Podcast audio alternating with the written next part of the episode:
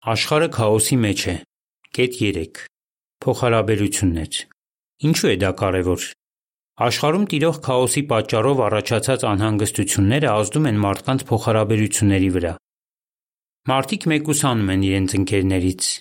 Ամուսնական զույգերի հարաբերությունները լարվում են։ Ծնողները բավականաչափ ուշադրություն չեն դարձնում իրենց երեխաների անհանգստություններին կամ անտեսում են դրանք։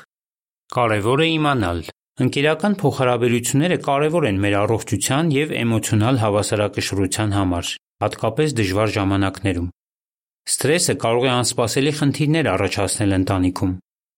Վատ լուրերը կարող են շատ ավելի մեծ ազդեցություն ունենալ ձեր երեխաների վրա, քան կարծում եք։ Ինչ կարող եք անել հիմա։ Աստվածաշնչում ասվում է.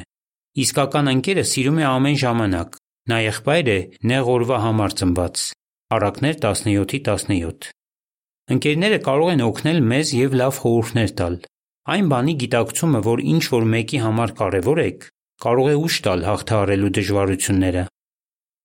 Ինչ անել։ Օգտակար առաջարկներ.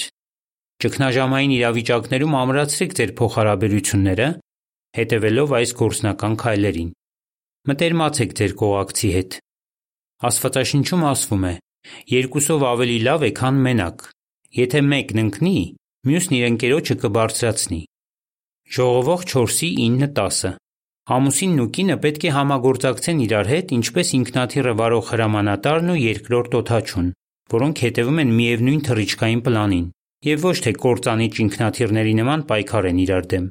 Վճռեք, որ ձեր բարկությունը չեք թափի միմյանց վրա։ Հիշեք, որ համբերատար և հանդուրժող լինելը շատ կարևոր է։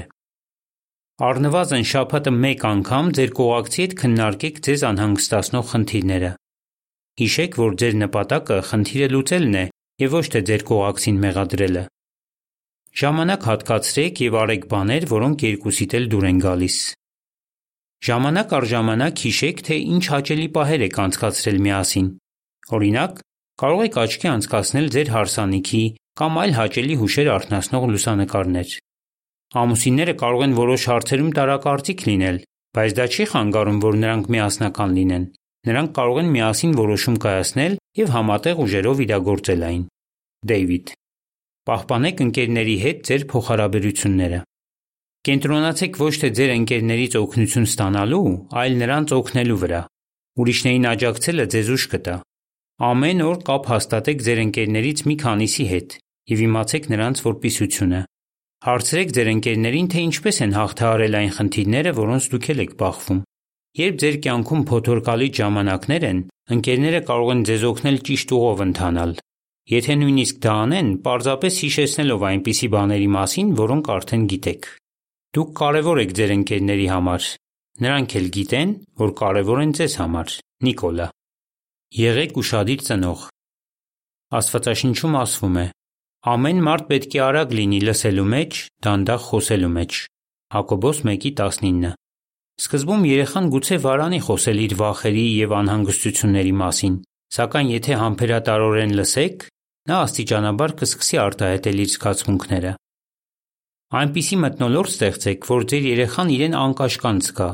Սովորաբար երեխաների համար ավելի հեշտ է խոսել, երբ լարված չեն։ Օրինակ, դեմ դիմաց զրուցելու փոխարեն դա արեք մեքենա վարելիս կամ զբոսնելիս։ Հետևեք, որ ձեր երեխաները հաճախ չլսեն բացասական լուրեր։ Երեխաներին տեղյակ պահեք, թե ինչ քայլեր եք ձեռնարկել ընտանիքի բարօրության համար։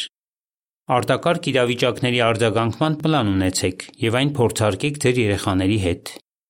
Խոսեք ձեր երեխաների հետ և թույլ տվեք, որ նրանք արտահայտվեն։ Նրանք միգուցե թաքցնեն իրենց վախերը, անհանգստությունները և ծայրույթը։ Երեխաներին ասեք, որ դուք էլ նման զգացումներ ունեք և պատմեք, թե ինչպես եք դրանք հաղթահարում։ Բեթանի։ Իմացեք ավելին։ Գիտեք, ձեր ընտանիքը կարող է երջանիկ լինել տեսանյութը, որը կարող եք գտնել jw.org կայքում։ Հոդվացի ավարտ։